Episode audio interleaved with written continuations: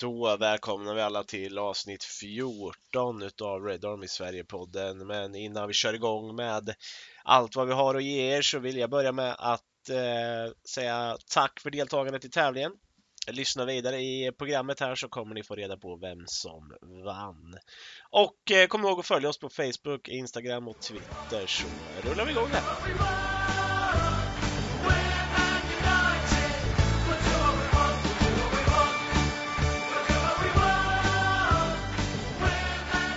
Då kör vi igång ett nytt avsnitt av Red Army Sverige-podden. Och eh, det är som vanligt eh, Adam Stenberg, Mikael Krekula och jag, Jonas Andersson. Och jag tänkte idag att vi ska börja med en fråga från en av våra eh, lyssnare.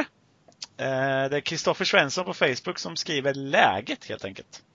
Och efter lite eh, frågan är tillbaka där vad han menade så menar han egentligen hur det är med oss. Så att varför inte börja med det? Med mig är det sådär.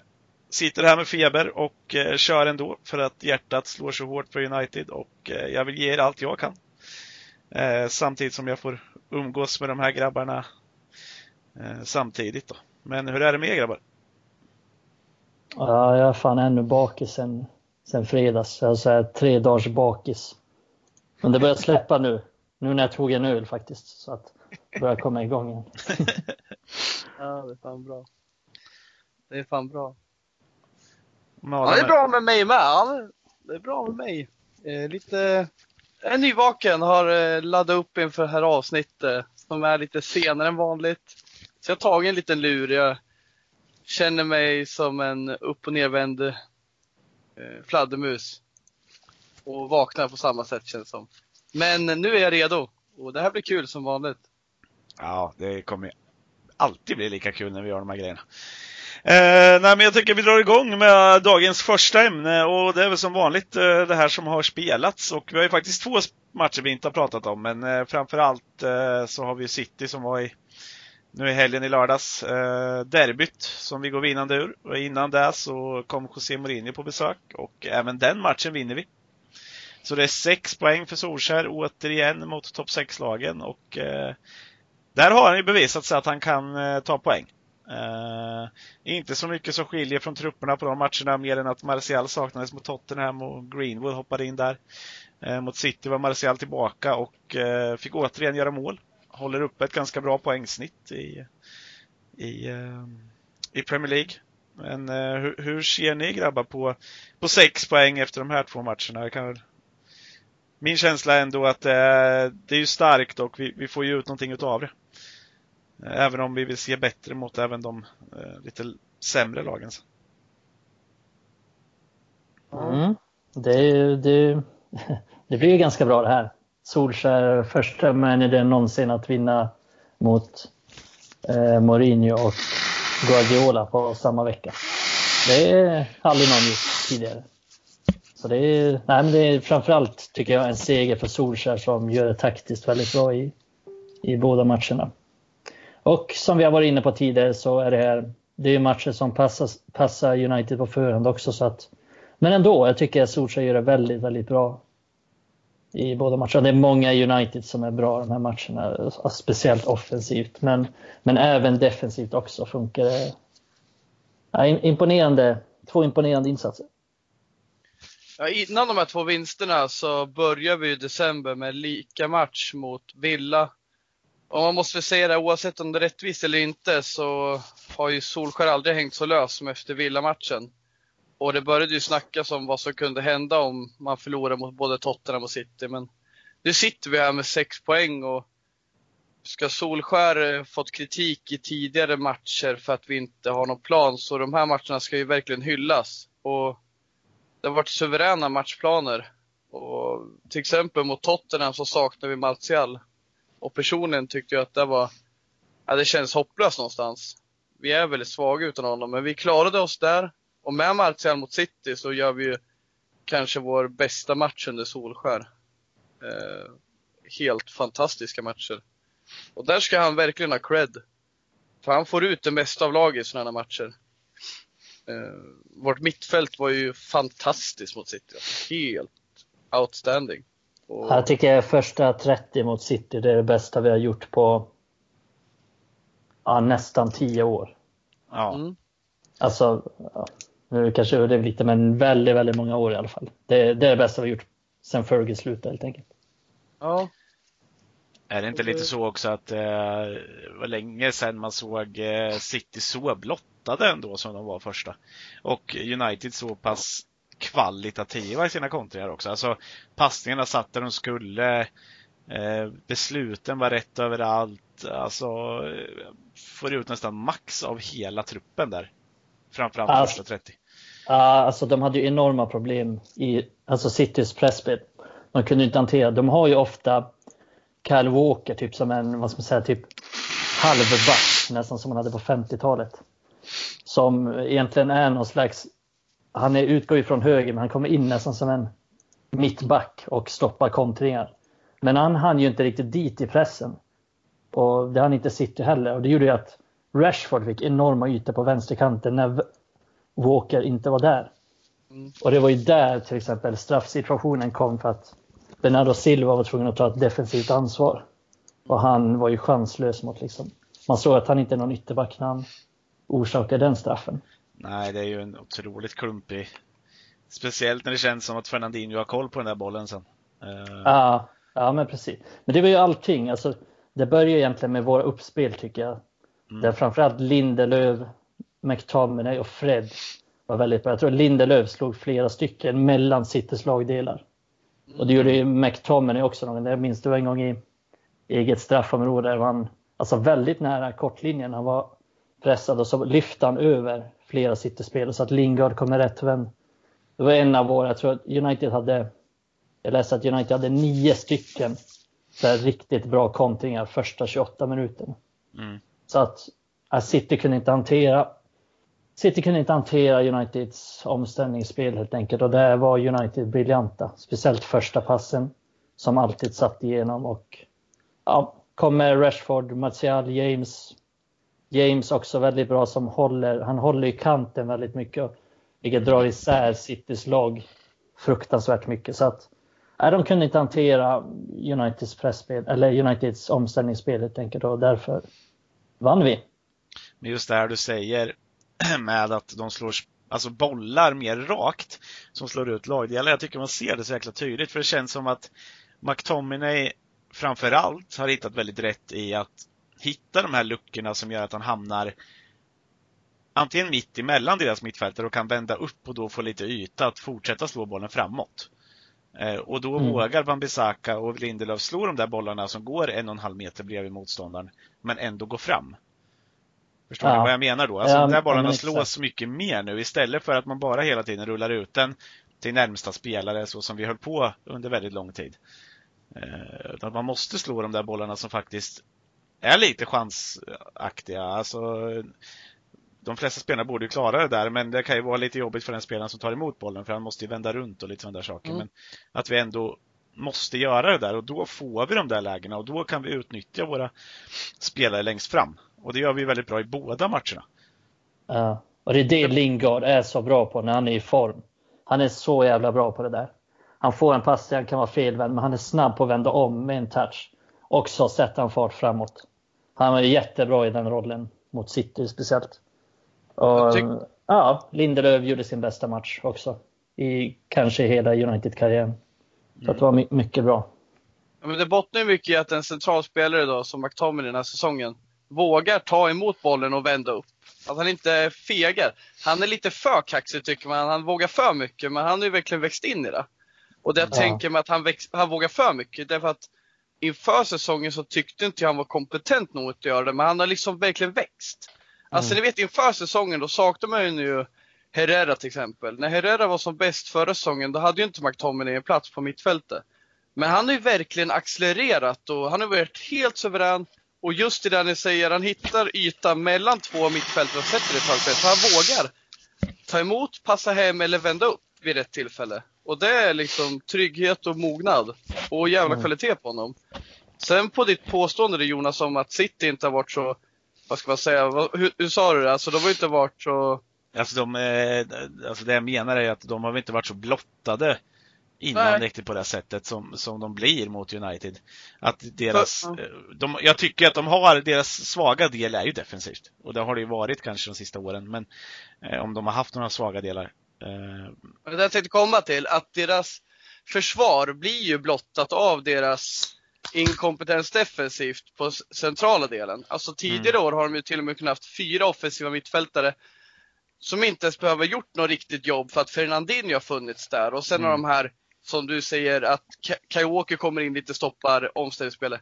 Alltså det funkar ju inte på samma sätt med Rodri. Och eftersom att de Nej. ett, tvingas ta ner Fernandinho för han litar inte på sina andra mittbackar. Så han vill ha Fernandinho som mittback.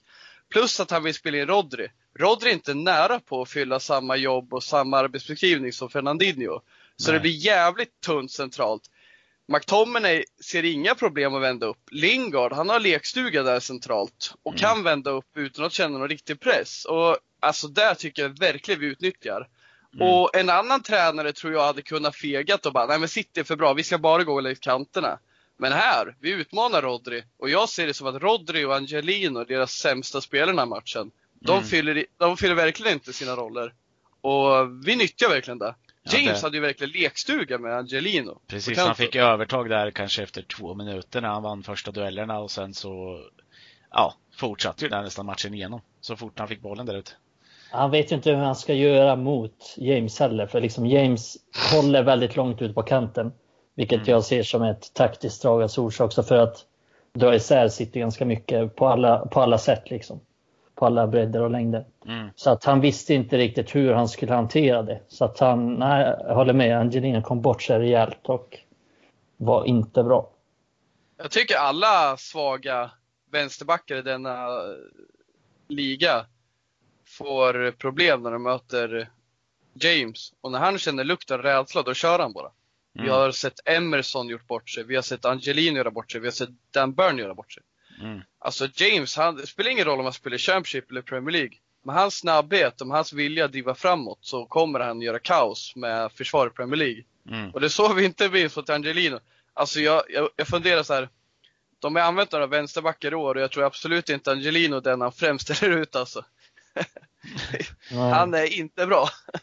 Och då funkar det jävligt bra för oss när vi hittar sådana svagheter. Ja, jag, jag tänker också så här. Daniel James måste vara en av de värsta spelarna att möta den här ligan. Det, ja, nu har jag inte spelat på någon superhög nivå själv, så jag ska absolut inte snacka för mycket. Men jag vet ju själv när man har spelat, det absolut jobbigaste som finns är snabba yttrar som hela tiden springer mot den och hela tiden jobbar mot den, hela tiden pressar mot den. Det är mycket skönare att möta än Bernardo Silva. Även om han också jobbar hårt så att det kanske var ett halvdåligt exempel. Men ni förstår vart jag vill komma. Alltså en typ så här James Milner typ, det är de värsta att möta. Vilket Patrice Evra sa för övrigt, att James Milner var den jobbigaste spelaren att möta. Men det är en som aldrig ger en lugn och ro liksom, som alltid kommer mot den. Det finns fan inget värre. Fy fan vad störigt det är. Nej, och för att liksom ge vatten på din kvar nu. Det är ju samma med Jonathan Walters i Stoke. Alltså på pappret eller i Fifa, då är han inte mycket för världen. Men det jobbet han gör, springer och hoppar in i dueller och grejer. Då är det en sån här spelare man kan ta in när inte spelet funkar. Så det är ju verkligen, jobbet får man inte underskatta. Och då på en ytterkant, ja du behöver inte ha särskilt mycket hjärna alltid. Vi har sett Adama Traore också, när vi ändå fortsätter. Ja. Han är ju vansinnigt jobbig att möta. Men det är kanske inte den spelaren som syns allra mest i poänglistan. Liksom. Nej, men det är utmaningslistan. Absolut, jag köper verkligen den. Ja, det är det man gillar med James, att han, han bidrar med någonting lite annorlunda. Ja, och sen råkar han göra mycket, rätt mycket poäng också, som ut nu inledningsvis på hans karriär också. Mm. Eh, Det har ju varit så jävla skönt. Men det är väl lite så här med James också att det finns ju någonting ännu jobbigare med honom som är mer än typ vad Milner hade och så. Han har ju ändå en teknik som utvecklas tycker jag från hela tiden från när han kom. Jag tyckte den var lite bristfällig i början men den blir ju bara bättre och bättre. Eh, och hans inlägg från höger, de är inte att leka med alltså. De är ganska bra de med. Jag tycker han träffar ofta de här ytorna som man vill att han ska träffa. Eh, sen att vi inte alltid har spelare där, eh, det är en annan femma men det ser ju, ja, det är en spelare som jag verkligen tyr mig till att vi kan ha väldigt nytta av eh, ett flertal år framöver. Även om han inte alltid kommer vara startspelare kanske så, så kommer han alltid vara nyttig. Mm. Ja, men det, det är en nyttig spelare. Alltså det, är, det är ett jättebra nyförvärv. En väldigt nyttig spelare att ha. Mm. Och han är ung.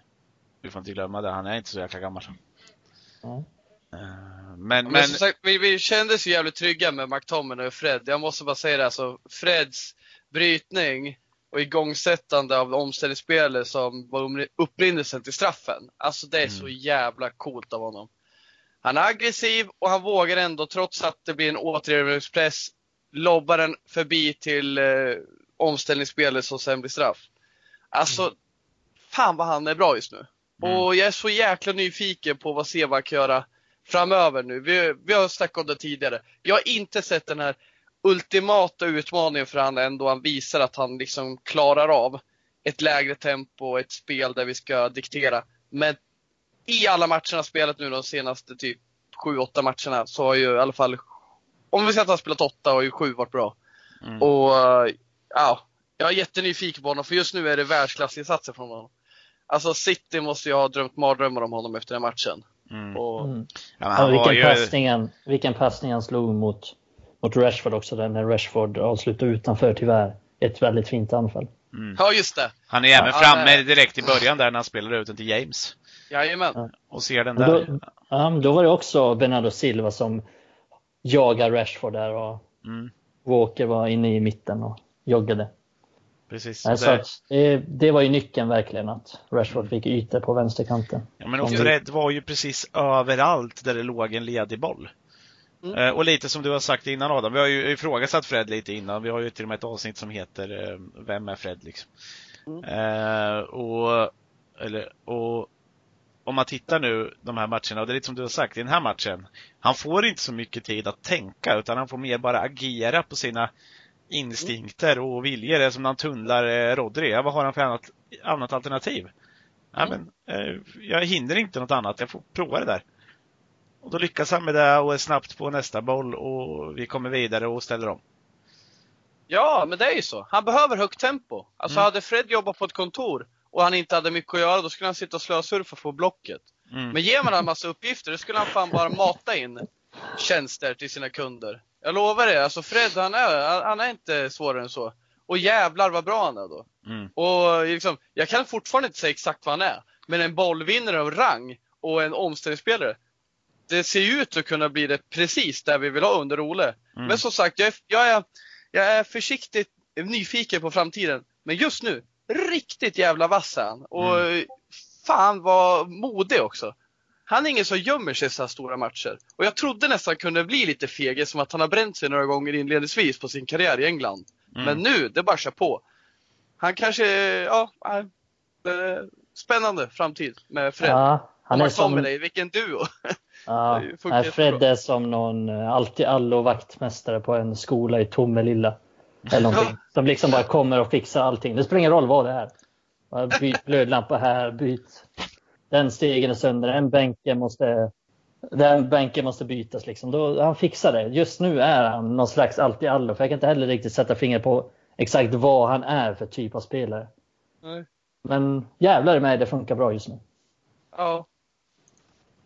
Ja. Det är spännande. Riktigt spännande att se vad han kan göra. Ja. Nej men Eh. alltså, vi, vi, vi, vi lyfter ju kanske lite för lite också den spelaren som kanske är i störst och bäst form utav alla just nu. Och kanske är den mest offensiva, farliga spelaren i, i ja, kan vara det i Premier League just i nuläget, eller i alla fall en utav dem. I Marcus Rashford. Alltså, det, Han och Jamie Wardy. ja, men det lyser ju om honom. Ser ni de här två? Han har två nästan identiska avslut eh, mot, eh, mot eh, så Tottenham och City. Eh, när han står still och får iväg skott som ändå har otrolig fart och så. Det är ju Zlatan-skott det där alltså. Han har sån jävla bössa alltså. Det är Ja. sjukt. Den ena tar ju i, i, i, i ribban och den andra är ju eh, Ja, alltså det var väl mot Tottenham, då var det väl en bra räddning utav eh, Gazzaniga. Men Mm. Den tar i ribban sen va? Han stöter upp den i ribban. Ja, just det. Och sen var det, vad var det mot City? Då drog han ju också iväg någon som, när han står still. Ja, han, Ja. Satte, han sätter den i ribban nu. Eh, Ederson är helt borta. Ja, just det. Han Ja, där ja. Ja. Mm. Han sätter upp den i, i vänstra, mot vänsterklyk. Ja, exakt. Han har ju flest eh, ramträffar av alla spelare på den ligan den säsongen. Mm. Så han, ja, han kunde ha haft fler mål, kan vi lugnt säga. Ja, absolut. Det... Och eh, om man ska vara helt ärlig, vi har sagt väldigt mycket om att vi saknar Martial i många matcher och så, men om man bara får nämna någonting från Spurs-matchen där så Greenwood gör ju ett otroligt jobb, även han, i den rollen när han faktiskt får spela forward. Ja, han är, han är väldigt underskattad i den rollen. Jag tror många tänker att han var ganska blek mot Spurs. Men han är jätte, jättebra, jättemogen i den rollen. Liksom så här, tar emot bollar, fördelar. Det, det, är sällan han bara slår bort den, utan han tar emot, lägger tillbaks hela tiden. Han, jag tycker han spelar, ja, han spelar bra i pressspelet där mot Spurs. Jag tycker han, han tar ett stort ansvar i det spelet. Sen fick han inte ut jättemycket målchansmässigt. Han har ett avslut som är, som är ett bra avslut. Mm, det är ett bra avslut. Ja, men som målvakten räddar. Men ja, det är kul att se honom. Där är ju Ole väldigt modig igen, vilket han var mot City också.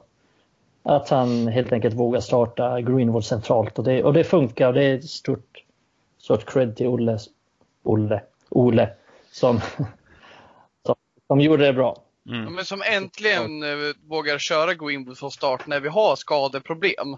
Det hade ju lika kunnat varit, och nu tänker jag gå vidare på en viktig del här också. Det hade ju lika gärna kunnat varit Pereiras startade och sen att han tar in Rashford centralt.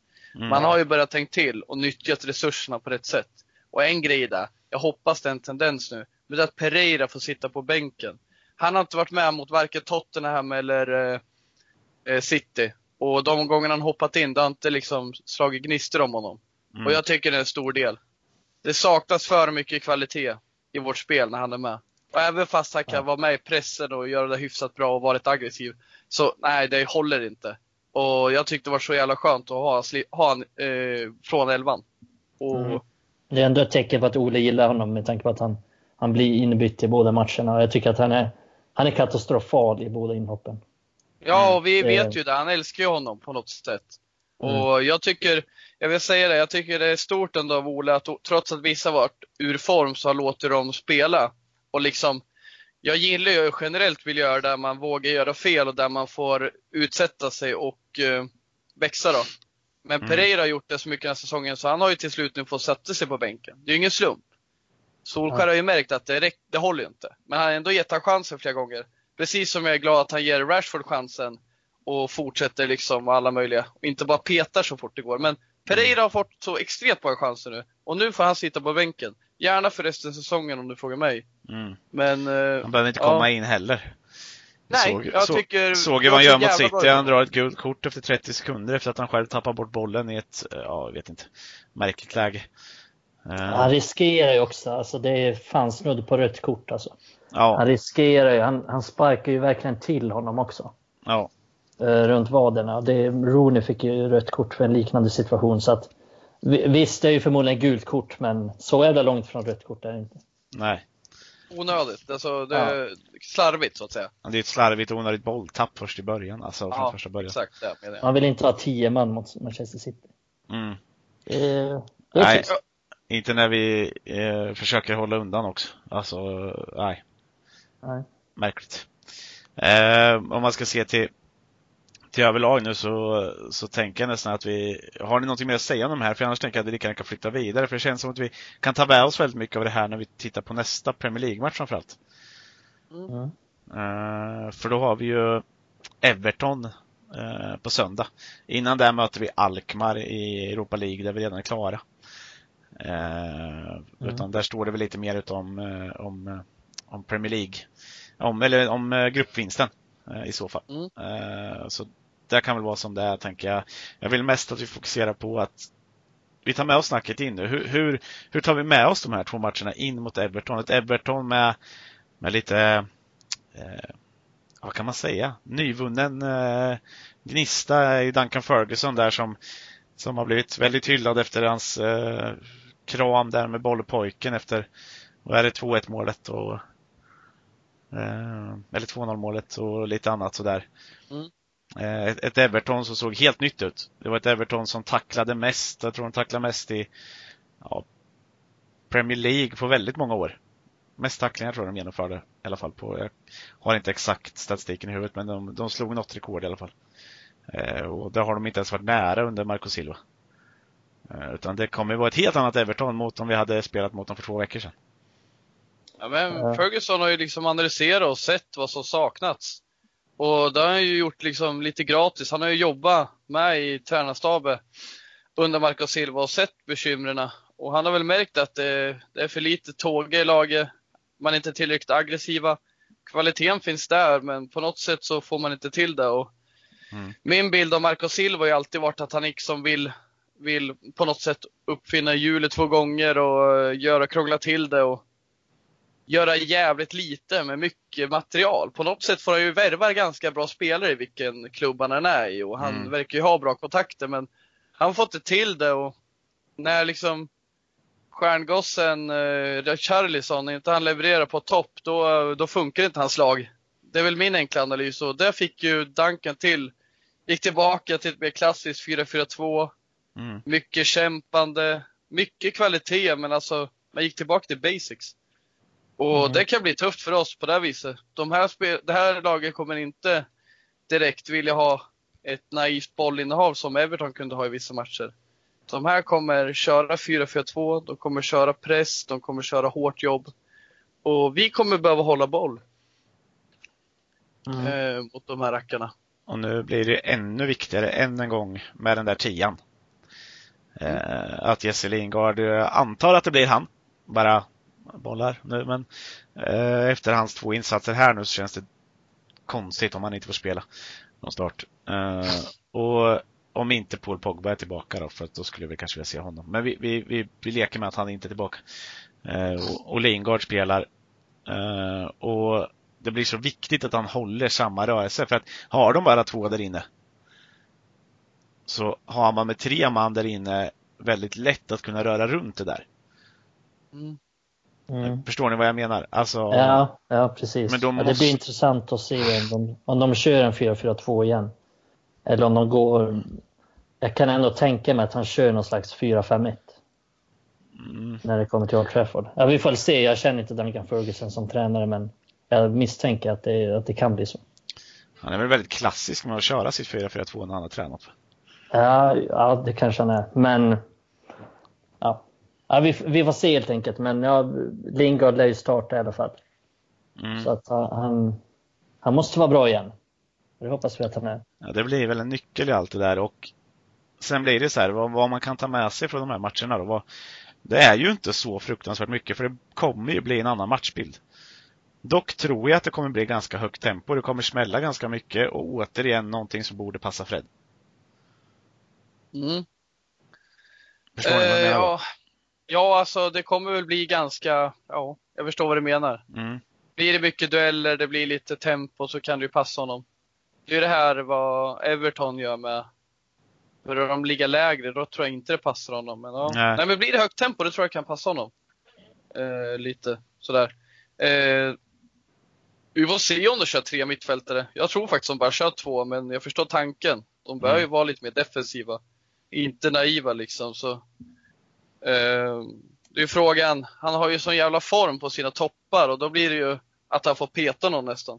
Eller ja, Han kan sätta Både- Calvert Lewin som... någon ytter typ eller? Ja. Ja, det tror jag. Ja. ja, det skulle han kunna göra i och för sig. Men jag tror Theo Walcott får spela igen. Vet du. Ja, vi får se. Nu Ja. spekulerar vi. Men Ja. det, det känns som de har ju verkligen form i sina två anfallare, Richarlison och Calvert Lewin. Mm. Och det skulle inte förvåna mig om de körde 4 för 2. Och jag skulle inte förvåna mig om de lämnar över bollinnehavet till oss. Och där har de liksom två offensiva ytterbackar i Dean, och, eller Dean, Dign och CDB, gamla Monaco-backen. Det, det finns lite offensiv kvalitet. Det gäller ju bara att få ut det. Alltså ingen hade väl trott att Everton skulle vara så här dåliga. Jag ställde frågetecken till Everton inför säsongen just för att de blev av med Idrissa Gueye. Men Ja. inte fan trodde det skulle gå så här illa. Men sen nu när de blev av med André Gomes också, deras liksom spelfördelare på mittfältet. Ja, då Mm. har det ju verkligen blivit tokdåligt i Everton. Ja, Jag tycker att de är, de är ett märkligt lagbygge faktiskt. De har de har ingen dålig spelare, de har ingen riktigt bra spelare heller.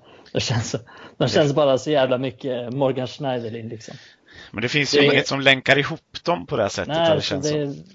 Precis som du Men säger. jag det är ett märkligt bygge liksom. Det är svårt att sätta fingret på det. Men jag satt och tänkte någon dag när jag såg dem. Alltså, de är varken bra eller, va- de är varken bra eller dåliga. Liksom, de har inget av det. De är väldigt mellanmjölk och inga dåliga spelare, men ingen riktigt bra heller. Eh, de har- värvar ju för väldigt mycket, men värvar ganska mycket fel. Ja, Lite som, eh, Alex United. Iwobi, hur tänker man där? Hur tänker Mm. man när man värvar honom?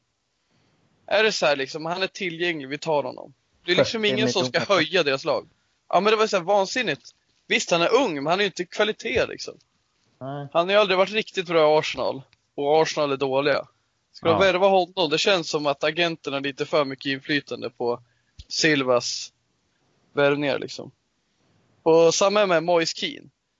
Liksom, hur har han tagit hand om honom sen han kom? Han har säkert inte haft rätt eh, mental styrka kanske. Men det gäller ju liksom vara med och utbilda och leda en sån här kille. 19 år, kommer från Italien liksom Mm. eh, ny, ny med allt. Han har ju knappt fått spela. Så det är lite så skumma värvningar. Jag tycker inte direkt att de saknade bra anfallare. Uh, klart Moise Keane är intressant, men det är också så där. Någon ringer Silva liksom. Ja, ah, jag har, du får 50% för kantareller. Hugger du? Han liksom vågar ju inte tacka nej. Han Ja. hugger bara. Han tänkte ju värva rostat bröd, Marcus Rojo. Mm. Halva priset också. Det, Ja, det var ju inte för att han ville ha. Rocco. Det var ju för att han var tillgänglig typ. Ja, men de har ingen riktig struktur i det de gör. Utan det är bara, Men det Marcus känns lite Rojo. som att de har huggit på högklassens, chip, högklassens chipspelare. Mm. Är det inte lite så? Lite Alltså, som så här, Sunderland gjorde för Ja. några år fast ett steg upp liksom. När de höll på att värva, de värva John O'Shea och Wes Brown och ja men eh, lite Darren sådär. Gibson. En massa gamla så här, avdankade United-spelare som Fergie slängde bort när de var slut. För det är det Fergie alltid gjorde. Ja, Mikael, för att inte tala om Mois disasterfönster när han liksom, ingen idé, han bara tittar i sin gamla önskelista från 2014 bara, ja men fan vi värvar hem Brian Oviedo och vi värvar Gibson till Sunderland då tänker jag. Ja. Det är så fruktansvärt, alltså när man har sånt verktyg och sen liksom har så dålig kompetens att hitta folk. Alltså man inte är bättre än att titta utanför sin ram och bara titta på typ gamla spelare så här. Eller som i Silva nu, bara tillgängliga spelare. Ja, det är ju liksom bevisat nu i alla fall att Silva han klarar inte Nej. fan att ta hand om sig själv ens. Nej. Det var ju så. Sunderland alltid gjorde med Steve Bruce också. Värva massa gamla United-lirare. Mm. Sunderland just har ju haft en 500 spelare de senaste åren. Men Marco Silva känns ju som en dålig FM-tränare på något sätt, alltså football manager-tränare. Han går in på transferlistan, kollar vad som är, som är ledigt. Ja, Marcos Rojo, han ser ut att ha bra stats. Eh, han, han, kan man få, han kan man få skapligt billigt. Ja, men passar han in i laget? Nej, det gör han inte, men jag köper den då. Det blir bra. Köper på chans. Han Ja, var intressant, lite intressant i Hall där ett tag. Marco Silva. Och han var ju bra i, i Portugal. Så att, men ja, har inte riktigt fått någon utväxling i sina senaste jobb. Han var intressant i Hall och gjorde ett bra jobb, men så åkte de ut. Ja, liksom- exakt. Men han gjorde några så spännande grejer som gjorde att han Ja, känns som att han har någonting. ja men jag ska inte sticka under stolen med att jag var imponerad av honom. Nej. Men man har ju verkligen inte blivit imponerad i längden.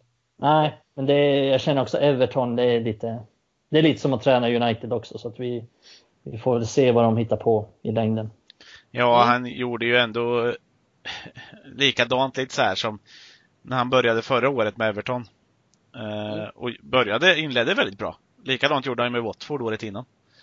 Mm. Inledde väldigt starkt och så började det rasa. För att han naivt skulle fortsätta med samma spelstil. Och, och klarade inte av det. Nej. Intressant fakta med, med vet du, Everton, det är att Gylfi Sigurdsson, som spelar i Everton, har inte varit jätteframstående i år, men han gör ju alltid kaos på Old Trafford. Han är tydligen, enligt vad jag läst, den enda spelaren tillsammans med Darren Bent. De två är de enda som har gjort mål i fyra olika matcher på Old Trafford. Ja. Och ni har säkert något Swansea-minne i Mm. bakhuvudet. Och någon, han har väl satt två straffar kanske I en i Everton, en i Swansea. Det är en otäck jävel. Honom ska vi hålla borta. Han ska inte få närma sig vår planhalva. han kan fan göra mål från alla håll och kanter. Ja, men han är ju det, det där är ju en Sätt spelare jag alltid har gillat. Ja. Men så punktar det så här. Man bara, men var hårt i ryggen på Marcus Rocco punktar genom att slå av hälsenan på. Mm. Får inte rött kort, för det kan inte Marcus Rocco få. Nej. Därför han får spela så liten under VAR. För att Ja. hans största styrkor blir, vi avslöjas. Mm. Är det VAR i Europa League? Nej, det är Nej, det inte. Då får han spela där. Ja. Mm. Uh, kan jag hoppas att han inte spelar någonstans. Nej, men vi får väl se lite uh, Europa League där med tanke på vilka som kommer luftas i den matchen. Antar jag att inte spelare som Martial och Rashford och de kommer, kommer chansas med emot Alkmaar. Nej, inte de som har spelat så mycket nu. Tror jag inte. Uh, utan det kommer nog bli ganska mycket ungt. Jag antar att Brandon Williams får spela, Mm. Mason Greenwood, en Juan Mata kanske. Ja, James Garner blev utbytt hyfsat tidigt med U23 så han är nog tänkt för någon slags roll i alla fall. Ja, kan nog mycket väl bli stipet från honom också. Mm. En Ashley Young på högerbacken kanske? Tuan Sebe? Ja, Phil Jones kanske kommer tillbaka från Sebe, startar garanterat. Mm. Jag tror också det blir en hybrid av, eh, vad heter det, Deadwood typ och Ja, eh, Andreas Pereira startar också. ungdomar. Ja, Jag tror att fem från U23 spelar typ. Och sen eh, sex från eh, A-laget. ja. Ja, det, det blir ingen Astana 11, det blir inte. Nej. Jag tror inte heller det. Jag tror inte det kanske är det bästa läget nu heller. Skicka Nej. ut alla ungdomar och de torskar igen liksom. Jag tror att det kan bli bra blandning nu med lite, eh, i det här fallet också, eh, Pereira, Mata inte spelar så mycket, eh, Jones, alltså de går in där. Och Ja. det är där de ska vara också. Mm. Jag vill inte, att till exempel att Pereira startar på bänken för då är risken att han startar mot Everton. ja, det vore ju Ja. skönt om han inte startar någon av dem. Men, ja, vi, det räcker ju med en poäng för United så att För att Ingen- ta ett, första platsen ja. Ja, och Alkmaar har, jag tror att de möter Ajax borta på, om det är lördag eller söndag. Mm. Och det är, det är en seriefinal för dem så att vi får väl se hur hårt de också satsar på den. ja, Det spelar ju in såklart. De är ju liksom, ja. Och eh, ja, vad, vad tror vi då överlag med de här två matcherna? Om vi tänker Everton, vad, lyckas vi få igenom allting vi, vi vill ha och, och vinna den matchen? Eller? Ja, vi kommer mosa Everton. Mm. 3-0, 4-0, Och Alkmaar då? ja, 1-1. Ja, jag tror också. Jag tror det blir kryss mot Alkmaar. Jag tror faktiskt att vi kan eh, blotta Everton om vi fortsätter ha samma, samma fart i anfallsspelet. Eh, men eh, det finns ju utöver att vi har pratat om det vi har pratat om nu, någonting speciellt med den här podden. Vad, vet du vad jag tänker på Adam? Mm. Vi ska ju lotta ut en eh, tröja. Precis. Som ligger, eh, som har legat ute nu och eh, gottat sig och vi har dragit en vinnare. Och eh, den eh, kommer här. Och eh, vinnaren framdragen utav ren lottning blev Kristoffer Kirsch som eh, sa att hans favoritspelare från 99 var eh, David Beckham och eh, taggade även sin vän där. Eh, lottades fram via nummerlottning eh, och eh, vi vill att eh, du Kristoffer hör av dig till oss på PM så eh, hjälper vi dig att få ditt pris. Grattis! Mm, och vi hoppas ju att eh, vinnaren såklart blir nöjd med den där tröjan, eller hur? Eh, och Det eh, kan jag lova att vinnaren blir. Ja, det hoppas vi. Annars så, så kanske vinnaren inte hejar på United. Eh, men eh, vi går vidare här nu då och vi har faktiskt eh, fått in eh, relativt mycket roliga och bra frågor på väldigt kort tid. Eh, gillar när ni är engagerade och ställer bra frågor till oss. Ska vi börja med de kanske roligaste frågorna då grabbar, eller vad tycker ni? Absolut. Mm. Men då tänker jag att vi kör Twitter och eh, Malmborg 10 eh, som skriver Ja, jag kommer med alla lyssnares eh, egna öron i behag eh, hoppa över första frågan. Men han har fyra frågor. Och det här är väl korta frågor då. Så vem, vem tror ni älskar en pubrunda mest? Och jag antar att han menar i laget eller truppen i United just nu. Vem tror du Adam? Ja, den som gillar en pubrunda mest, det är nog fan i mig Phil Jones, för då är han kung i laget. då, eh, då vet man vet så att när man är på en fotbollsplan då kan man lita på McTominay och när man är på puben kan man lita på Phil Jones. För är det någon plats som han gör fula skrimaser, det har vi inte sett än. Det är på de interna jul och kick-off-festerna. Helt hundra på att den är helt jävla bananas. Och jag tänker också det Fan, hans min. han får inte bada på fyllan för det är en risk för alla. Om inte han själv drunknar så gör hans lagkamrater det. Jag tänker att eh, hans minspel passar in bra på en pubrunda. Ja, Ja, jag, jag tror att han får med, då får han med sig någon av, någon av britterna. Jag tänker också så här, Luke Shaw är inte sen på att hänga på. Nej. Och, um, jag Jag tänker tänk, också typ så här, jag tänker så här, typ James Garner, blyg kille. Och så bara, han sitter helt still liksom. Och sen helt plötsligt när han reser sig upp så han absolut mest full på hela puben. kan vara lite samma sak med Wan-Bissaka. Ja, Han är också, säger de ju, blyg. Eh, ja. Lindelöf bangar nog inte på. nej. Men jag Nej, tänkte, Lindelöf tror jag verkligen. men jag tänkte Han också, eh, stannar kvar länge. Ja, jag tänkte också Shaw faktiskt, för att han sitter ju där hela kvällen och dränker i sig bärs så han får käka, käka nattkrubb sen också. Ja. Tänker så här, Jesse Lingard, han gillar inte öl. Nej.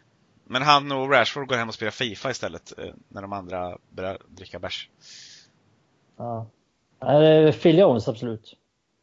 Mm. Luke Shaw. Ja, ja, jag håller nog på, eh, på Luke Shaw, men jag kan hålla med om Phil Jones. Ja. Jag kör också Luke Shaw då. Yes. Eh, och vem i laget tror ni är en vinkännare? Juan Mata. Ja, Ja, det som poppar upp där är ju Juan Mata, Lee Grant, Lee Grant tänker jag också på.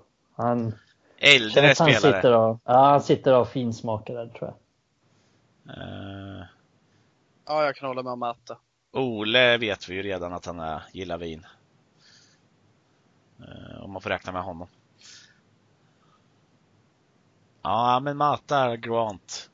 Jag räknar vi staven då är ju Mi- Mikey Phelan Ja, jävligt törstig. ja men han gillar ju whiskyn. Ja, Mer, tror jag. Han, han spottar inte i glaset. Det är fan, det är ingenting han inte dricker. Mm. Sen vet jag... Nej, Nej, men vi, går, Mata. vi, går på, vi går på Mata och Grant då. Eller har Adam något att slänga in där en liten... Nej, Matta, absolut. Jag tycker Matta. Mm. Och vem i Ja. laget tror ni gillar ironi mest? Det här vet jag inte. Eh, En väldigt specifik fråga. Men eh, jag tänker vem som... Det lär väl vara samma spelare som är komikern, tänker jag. Eh, jag kan tänka mig att Jesse Lingard är så jävla barnslig. Ja. Ja, Lingard är något bra tips. Vi kör Lingard. Ja. Det blir bra. Det blir bra. Nu hoppar vi över på de riktiga frågorna. Eh, och eh, vi fortsätter med Twitter. Dennis Eng. Tankar om Håland. Jag har tydligen hört från andra ställen att eh, det inte har tyckts att det skulle vara nödvändigt. Men han vill höra våra tankar om honom in. Ja. Jag har ju haft känslan att eh, Håland det, vi har liksom anfallare så, jag är, ju med, jag är av den enkla åsikten att vi behöver ju först och främst en central mittfältare, men, men Håland skulle verkligen inte skada, för jag känner som det ser ut idag, eh, oavsett vad vi har för anfallsuppsättning så saknar vi en riktig striker. Och kan vi då få en som klarar lite, eh, har ett bra bolltouch, bra målsnitt och är ung och fräsch och känns med, som han har bra karaktär, då skulle Haaland passa in. Och Mm. jag tycker att räkna med bara Martial och Greenwood framöver. Ja, men det känns lite tunt och det baserar jag på att Martial är så skadebenägen. Mm. Men hade Martial och Greenwood inte varit, eller alltså hade Martial inte varit skadebenägen och båda hade kört på så, då hade jag kunnat räckt med dem, även fast Martial är begränsad som target. Men jag hade gärna sett in Haaland. Och vi behöver väl mer än två givna strikers om vi ska kunna konkurrera på högsta nivå. Ja, speciellt i, i alla turneringar också, så det är definitivt mer breddar på, på längre sikt. Sen Mm. känner jag inte att det är mest akut, men jag tänker att Haaland skulle vara en... Skulle vara, jag har inte sett Haaland supermycket. Jag sitter inte och kollar österrikiska ligan. Tro det eller ej. Men jag har sett honom lite och, och jag känner att den typen i alla fall, den typen av striker med bra touch och vad de säger, men som också har den här instinkten framför mål och som är bra i boxen, som är stark i boxen, den har vi inte riktigt. Greenwood kan bli den spelaren, men han är inte riktigt, riktigt än. Så att, Nej, ja, Martial som sagt, man är ju ännu mer den... skad, alltså väl, rätt så skadebenägen så att nej, alltså det, det är inte akut att få in honom, men det skulle vara en bra värvning. Det tror jag med. Och han har ju det där som ni säger. Jag, jag jämförde honom lite, jag satt och pratade med en polare och, och eh, jämförde honom lite med en, eh, en tidigare anfallare vi släppte i somras, Romelu Lukaku, fast en sån spelare med bättre touch eh, och bättre bollbehandling. Och det är ju där man saknade hos Lukaku. Han är ju Ja, li, egentligen, lite bättre spelförståelse också. Ja. Men Han är ju en, han är ganska snabb för sin storlek. Han är ändå bra på huvudet. Han är rätt stark. Han är ju en sån där spelare som man kan kalla komplett anfallare. Han har det mesta i sig. Sen kanske han inte har den mm, allra mest graciösa eh, tekniken när det gäller att finta och sådär. Men den är ju bevisat sig i Champions League var, var helt eh, duglig om man säger så. Den är ju mer, om man ska säga, uh, tappar jag ordet, men den är ju inte så att han skämmer bort spelare, men den är ju funktion. funktion ja. Mm. Den gör ju någon funktion, hans teknik i alla fall. Han är inte helt olik Lewandowski. Eller? Nej, nej, det kan också vara en bra likelse. För att fylla på det. Jag tycker absolut att han har ju mycket av det. Han tycks ha mycket av det som Lukaku saknar och även fast jag kan tycka att man saknar ett target och att det var synd på något sätt att släppa Lukaku så såg jag aldrig någon långsiktig lösning med att ha kvar honom. För Nej, han är för begränsad för att klara vårt spel. Och man Ja. kan sitta och säga att ah, nu levererar han i Serie A, han gör ett jättebra jobb. Men det är inte under samma riktigt förutsättningar som vi kör med United. nej. Och sådana här matcher som mot City och Tottenham hade vi aldrig gjort med honom. För han hade bromsat upp spelet. Varannat uppspel hade vi tappat för att han har en bedrövlig första touch. Mm. Och att han har en tendens att vilja dribbla fast han knappt ja, vet hur han gör en överstegsfint. En överstegsfint ska göra att du får ett övertag över motståndaren. Inte att du passar hem bollen till målvakten liksom. Och nej, det känns mycket mer spännande då med en sån spelartyp som Haaland. Mm. Mycket Lukaku- mer suitable. Ja, verkligen. Han passar bättre in i, i det sättet United vill spela och känns väl som att Ola har koll på det. Det är väl därför han vill ha honom också. Därför han inte vill ha Lukaku som... Och en till grej med Lukaku lite kort bara är att han... Han, är ju säll, han gör ju sällan mål mot något topplag heller. Liksom. Han, tycker inte, han, han gör ingen stor... Han, visst, han gör en, en stor skillnad när vi möter Aston Villa hemma kanske, men... Men City, Spurs, då, då bromsar han mest upp. Eh, Han har samma tendens i landslagen och samma tendens inte. Han har samma tendens överallt. Han gör inte mål mot bra lag helt enkelt. Mm. Ja, jag är helt med på vad ni säger där. Alltså det, eh, och, och det man missar kanske i Inter som folk inte tittar på, för de kanske inte tittar så mycket på det, är ju att han tappar ju lika mycket boll där. Ja, men han gör ju bara mål mot Lecce och dem också. Ja, men Det han, han kommer alltid göra mål. Alltså det är en, Ja. en forward som alltid kommer göra mål och vi hade säkert fått ut ganska mycket mål av honom i år. Men inte på det sättet som United vill spela fotboll. Nej, sen mötte han Chris Smalling tog det stopp. Precis. Och med Småling då så kan vi gå över på nästa fråga tänker jag. Eh, och jag tänker vi slår ihop två frågor där. Den ena är från eh, Henrik Renstam. När blev vi av med Phil Jones? Och eh, sen kommer Enzima is the GOAT och han heter någonting med Emil i alla fall. På Twitter också. När Småling kommer tillbaka ska vi ha kvar eller sälja? Och jag tänker att de två kan man nästan slå ihop lite, i alla fall i mitt tycke. Att Ja. eh, jag ser hellre att vi behåller Småling och skicka Jones. Om jag ska vara, ska vara ärlig. Ja, ska vi gå på Adams teori så kanske Phil Jones drunknar i ån på, efter någon fest här. Så han, han kommer inte spela. Nej, men ja, Phil Jones, jag tror inte han är kvar så mycket längre än till sommaren faktiskt. Han, har, han satte sin sista potatis där mot, Mot Sheffield. mot Sheffield. Ja. Så att nej, hans tid är nog ganska mycket över. Han, han är för långt ner i, i rangordningen också. Är det någon som vill köpa honom så kommer han säljas tror jag. Mm. Kan eh, Småling underordna sig att vara en reserv i det här laget vi håller på att bygga nu så ser jag stor nytta av honom i matcher mot till exempel Newcastle eller Burnley. När de har lite tyngre killar på topp och där vi liksom inte blir lika lidande av att vårt passningsspel inte går på räls så att vi inte ställer om lika fort. Mot eh, Newcastle ser jag inte någon risk med att ha Småling på det viset. Däremot kan jag känna att Lindelöf blir lite begränsad mot vissa stora spelare, kanske i Burnley. Och vi såg det till och med mot Palace att han är begränsad mot inte för stora spelare. Och där ser jag att Småling kan ju äga sina matcher de, och, och med sitt huvudspel och sitt närkampsspel. Så kan vi väl Snabb, liksom snabb också. se han som ett speciellt verktyg i verktygslådan och ta in han i vissa matcher vore ju underbart. För jag ser inte att Jones är en sån. Han gör vissa grejer i matcher suveränt, sen vissa helt bedrövligt. Så jag tycker faktiskt Småling är en mycket jämnare spelare. Men som sagt, det ska ju förutsätta att han vill spela så och det tror inte jag. Jag tror att eh, när han får reda på att du är, du kanske är till och med, du är fjärde val. Ja, det tror inte jag Småling kommer vilja för han är, han är en bra spelare. Och jag vet att han skulle kunna bli en riktigt bra startspelare och spela liksom över 200 matcher för typ Everton om han fick komma dit. Men eh, det kommer han Mm. inte göra i United. För Toan Sebe, Lindelöf och Maguire går före som det ser ut idag. Ja, och jag tror att, tror som säger, sen tror jag också att Ole, Ole gillar inte honom bevisligen. Alltså han vill inte bygga kring honom. Han, Ole tycker att han har för dåliga fötter. Och att han inte har den uppspelsfoten som Maguire, Lindelöf och Tonsebe också har.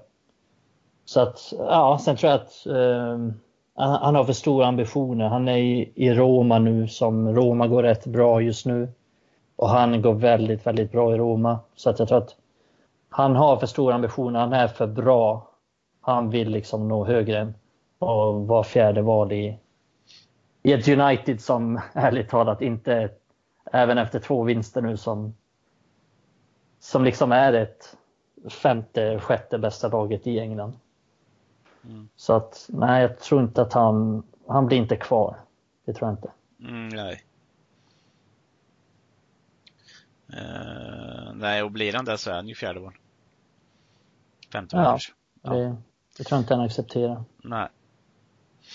Eh, jag hoppar vidare. Och eh, ja, alltså vi märker ju att ni gillar Silly Season. Vi pratade en hel del om Silly Season i eh, senaste avsnittet.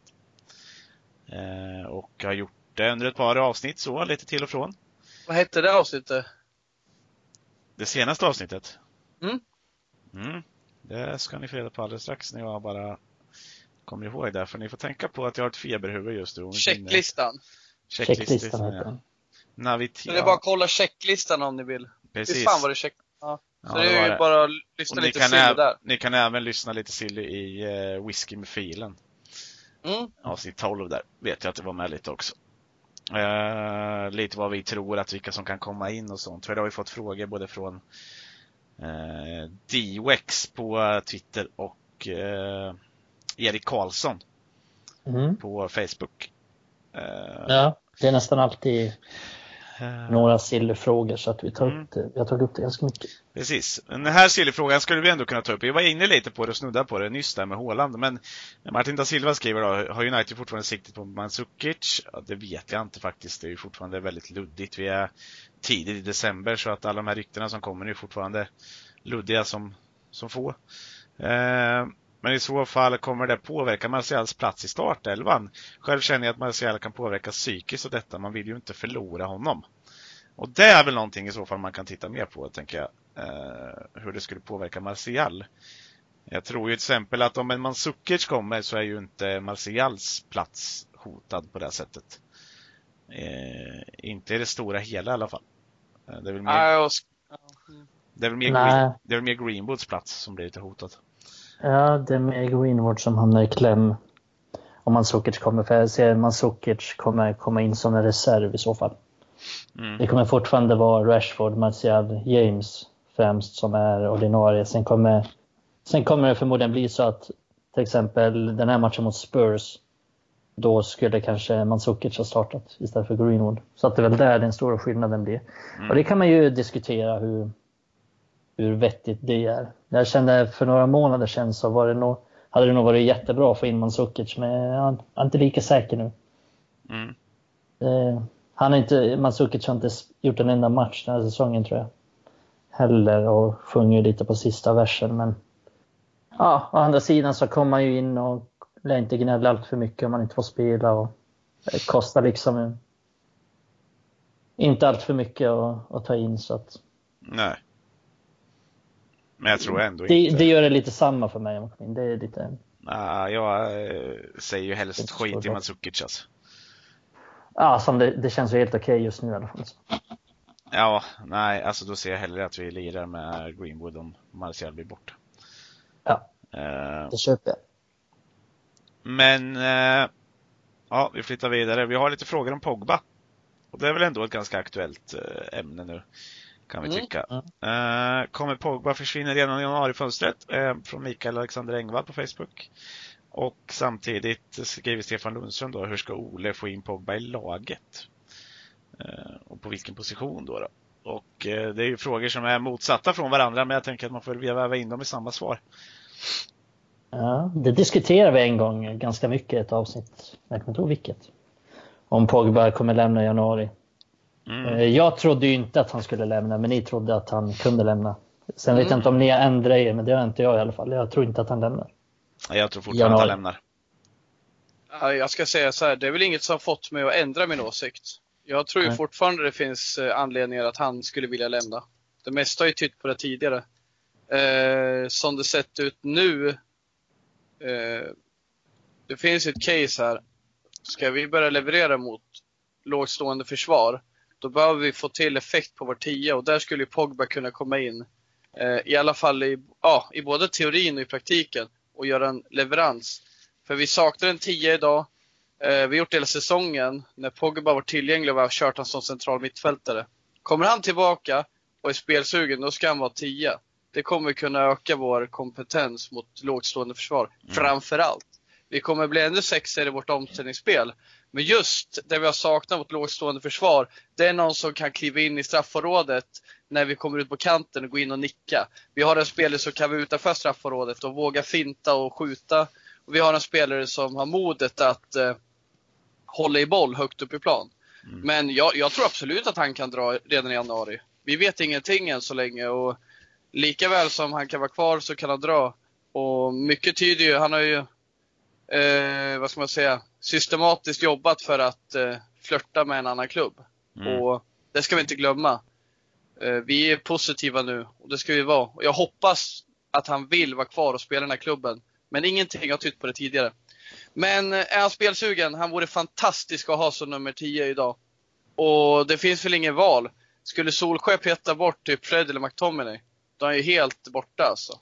Ja, då har han tappat det. Vi har en dålig position just nu i laget. En riktigt bristfällig och det är nummer 10. Och där är det bara att peta in Pogba.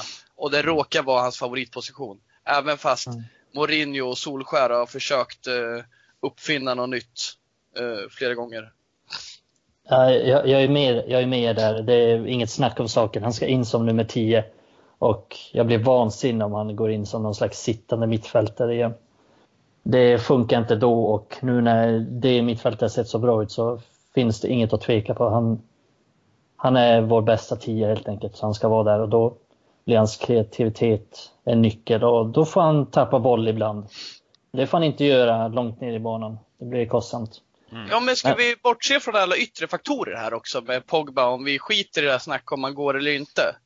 Eh, så om vi bara ser till vad vi har idag, det är helt underbart att han kommer tillbaka i den här situationen. Vi har ett formstarkt duo på centralt mittfält som gör jobbet vi vill ha. Det gör ju inte Pogba. och vi saknar en tia. Det är ju helt klockrent att han ska in där. Och Ja. vi har funderat tidigare, åh vi vet inte, kommer Pogba tillbaka kommer han vara central för vi är så tunna där. Men nu är vi inte där, så länge Fred och McTominay är skadefria, då är det självklart. Och vi behöver inte fundera, alltså inte en Solskär kan göra den missen. Att eh, börja spela någon annanstans. För vi, även Solskär vet ju att, vi ser ju på Solskär, han laborerar ju med massa tior. Det är klart han inte är nöjd. Inte ens Pereira får spela längre. Då kan ju inte Solskär vara nöjd. Nej. Och då har han spelat Pereira med dåliga insatser väldigt länge nu. Ja, Eh, alltså det, men det, det är ju så, det finns ju bara ett alternativ. Det kan inte vara någonting annat än att han spelar 10. Petar han Fred till exempel och eh, spelar Pogba och McTominay igen, alltså då, då vet jag inte riktigt vad jag gör. Eh, då, blir jag, då blir jag på riktigt sur alltså. Eh, blir så här tok förbannad. Eh, Det var idiotiskt. Mm. Ja men då, då, om någonting så skulle jag kunna skrika Ola out bara på grund av det här valet ifall han väljer. Så länge inte Fred går och, och drar på sig en skada eller något nu då, för då kan det väl finnas noll andra alternativ. Men först så ska man ju se att Pogba kommer tillbaks också för att det verkar som att den här skadan drar ut på tiden. Eh, Mm. Det ryktades ju väldigt länge om att han skulle vara tillbaka mot, eh, mot City. Eh, men det var han ju inte heller. Och Ole sa ju senast förra veckan att, att båda borde vara tillbaka förra veckan. De skulle få se minst en utav McTominay och, och, Pogba mot Tottenham. Och det fick vi ju. Och sen att båda trodde att de skulle vara tillbaka till andra matchen. Men det var de inte. Och ska man tro det är rätt så ska han ju vara tillbaka till helgen. Ja, får se. Jag tror inte han går in från start med tanke på han har varit borta jättelänge nu. Ja. som. Så att det blir väl en Shaw-grej att han får en, ett, två inhopp. Det vore ju bra om man är tillbaks mot Astana eller någonting. Alkmaar. Mm. Alkmaar möter vi. Ja. Fan, jag vill att det ska vara Astana. Astana borta igen. Astana. för att alla ungdomar var med då. Då, då myste du Viken. Mm. Ja, det var... Precis som oss andra, men du myste lite extra. Ja, Du gjorde tände ett ljus vid bordet då. jag. ja, det gjorde jag. Laddat för den matchen länge. Jag kan Inte tänka mig att men- du satt Kalle Anka klädd i soffan då och, och kanske utförde ritualer som inte någons mamma hade tyckt om att höra. Någonting åt det hållet. Nej, det, var, det var en fin stund, fin första halvlek. Ja, det var det. Eh, och sen fick Chong visa att han fortfarande är begränsad. Och sen vände de på det. Eh, så kan det vara. Eh, alltså tiden börjar rinna oss ur händerna gubbar. Eh, och, Som det alltid gör. Ja men precis. Och jag tänker att vi ska avrunda det här idag. Är det någonting som ni känner att ni vill skicka med innan? innan Nej, vi, får ett, vi får ett tre timmars avsnitt någon gång. Ja. Mm. Jag skulle, vi Nej, få, ja. skulle vi få 40 frågor någon gång så skulle jag kunna göra två avsnitt idag. Bara frågor. Eh, men vi gillar frågorna, vi älskar frågorna. Ja, det är kul. Det är kul. Men, men Fortsätt om man ska säga det avslutande, då ska jag säga att jag är jävligt spänd. Eh, delvis för att se på torsdag vad våra ungdomar som får chansen fortsatt kan visa. Förhoppningsvis får Gomes spela central off, eh, offensiv mittfältare, tia. Mm. Och faktiskt får bevisa sitt riktiga värde på en eh, relevant plats där jag tycker han är som bäst. Och på en gräsmatta. Ja, framförallt är det inte Mm. artificial liksom. Och sen mot Everton tycker jag mig se ett eh, riktigt test. Eh, I min värld i alla fall. Där jag får se Fred mot ett Everton som inte kommer vara lika spelförande som eh, de var tidigare. Aston Villa och Sheffield var inte spelförande, men där tycker jag inte att det var rättvist att möta Fred då han fick spela med, med Pereira. Men Mm. jag tror det här kan bli en riktigt trevlig match eh, för Fred att få visa sig. Och ja, jag, jag har nog inte varit så här optimistisk mot ett lågstående försvar eh, på länge. Vi vet att vi har problem mot dem. Men det blir kul. Jag ser Mm. jävligt mycket fram emot eh, Everton. Ja, det är jag också. Jag hoppas få se samma, samma fina kombinationsspel från våra forwards och mittfältare som vi, som vi fick se mot City och delvis också mot Spurs. För det är så jävla snabbt och rappt och fint. Nu låter jag som Glenn Strömberg. Fint, snabbt, rappt. Eh, Så har vi inte riktigt spelat den här säsongen så att eh, jag hoppas på att få se det. Se fina kombinationer fortsatt och mot, jag höll på att säga Astana igen, men Alkmaar. Börjar på A i alla fall. Hoppas jag att jag får se, se en del ungdomar spela, det är det jag hoppas på. och att vi inte förlorar matchen för att vi vinner i gruppen som sagt på en poäng. Så hoppas på se lite Gomes, Garner. Lite så. Det vore kul. Perfekt. En sista fråga då. Mm. När vi möter Duncan Ferguson på söndag. Vet ni vilken svensk som han vann FA-cupen med 95? Oj. Limpar. Limpar tänkte jag säga. Det är rätt.